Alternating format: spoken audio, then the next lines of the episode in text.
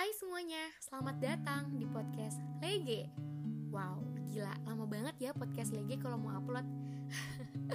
Maaf, maaf, maklum, anak semester akhir. Oke, episode 2 kali ini gue bakal nyeritain tentang bagaimana Dari sebuah tulisan yang kita bikin bisa buat kita bahagia. Sebelumnya, kalian pernah gak sih berpikir bahwa kadang hidup ini tuh gak adil? Kayak apa yang Tuhan takdiri seolah-olah gak pernah berpihak sedikit pun kepada kita. Padahal kerja keras kita, usaha kita udah sampai di titik oke okay, gue pasti berhasil.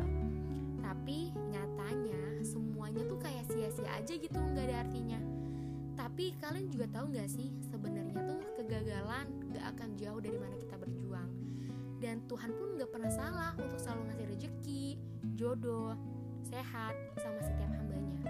Karena ketika kita berusaha untuk percaya sama apa yang Tuhan berikan, di sanalah kita bisa menaklukkan gue punya cerita tentang masa lalu gue, waktu gue memutuskan untuk menjadi anak gap year. Gue mikir, ah masa iya gue bareng sama adik kelas gue? Ah masa iya gue gak bisa masuk kampus impian gue? Kenapa ya? Apa yang gue pengen gak selalu sama apa yang gue dapet? Dan lo tahu, selama setahun itu gue gak berhenti nangis dan selalu menyalahkan diri gue atas apa yang udah gue jalanin dan lewatin. Tapi dari situ, setelah gue melewati semuanya dan gue berusaha berdamai dengan diri sendiri, mencoba meminta dengan setulus hati sama pemilik dunia, dan ya, Tuhan ngasih jawaban atas semua doa yang gue minta. Meskipun gak dapet kampus impian sih, tapi gue beruntung banget bisa dapet teman kampus yang wow, ngetrit gue dengan sebaik itu dan gak ada berhentinya gue selalu bersyukur untuk bilang makasih ya Allah untuk ngasih temen-temen yang baik sampai bisa buat lagi kayak sekarang ini oke berhenti deh nanti teman-teman kampus gue kepedean. Oke oke gue punya cerita yang lebih menarik lagi. Jadi gue tuh sempet komen di salah satu akun Twitter. Isi komenannya tuh gue cerita seberapa ajaibnya surat Al-Waqiah bisa ngerubah hidup gue. Intinya gue menceritakan pengalaman gue seberapa hebatnya Tuhan ngasih jalan bagi setiap hambanya ketika kita mengingat kekuasaannya. Please, gue belum jadi manusia baik, tapi lagi berusaha menjadi manusia yang berguna untuk orang lain.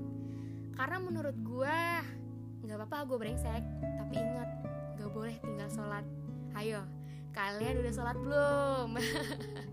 Oke, jangan tinggal sholat ya. Lanjut lagi setelah gue komen di salah satu akun Twitter eh tiba-tiba notif jebol nggak tau kenapa bener-bener rame banget nggak ada berhentinya tuh retweetan masuk ke akun Twitter gue terus gue mikir alhamdulillah tulisan gue berguna dan sampai seketika ada dia masuk terus dia nanya tentang tweetan gue yang top komen dan dia nanya kak maaf ganggu aku masih bingung sama tulisan yang di tweet kakak urutan untuk mengamalkan suratnya dari mana aja ya?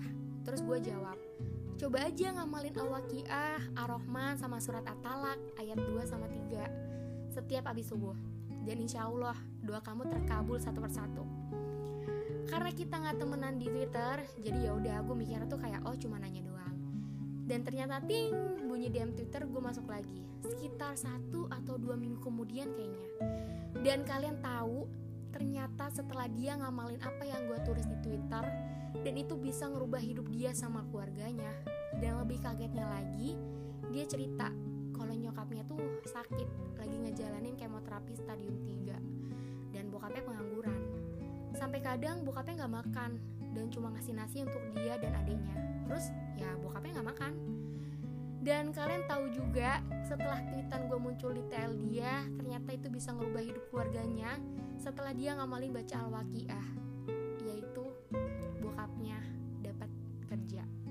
Wow.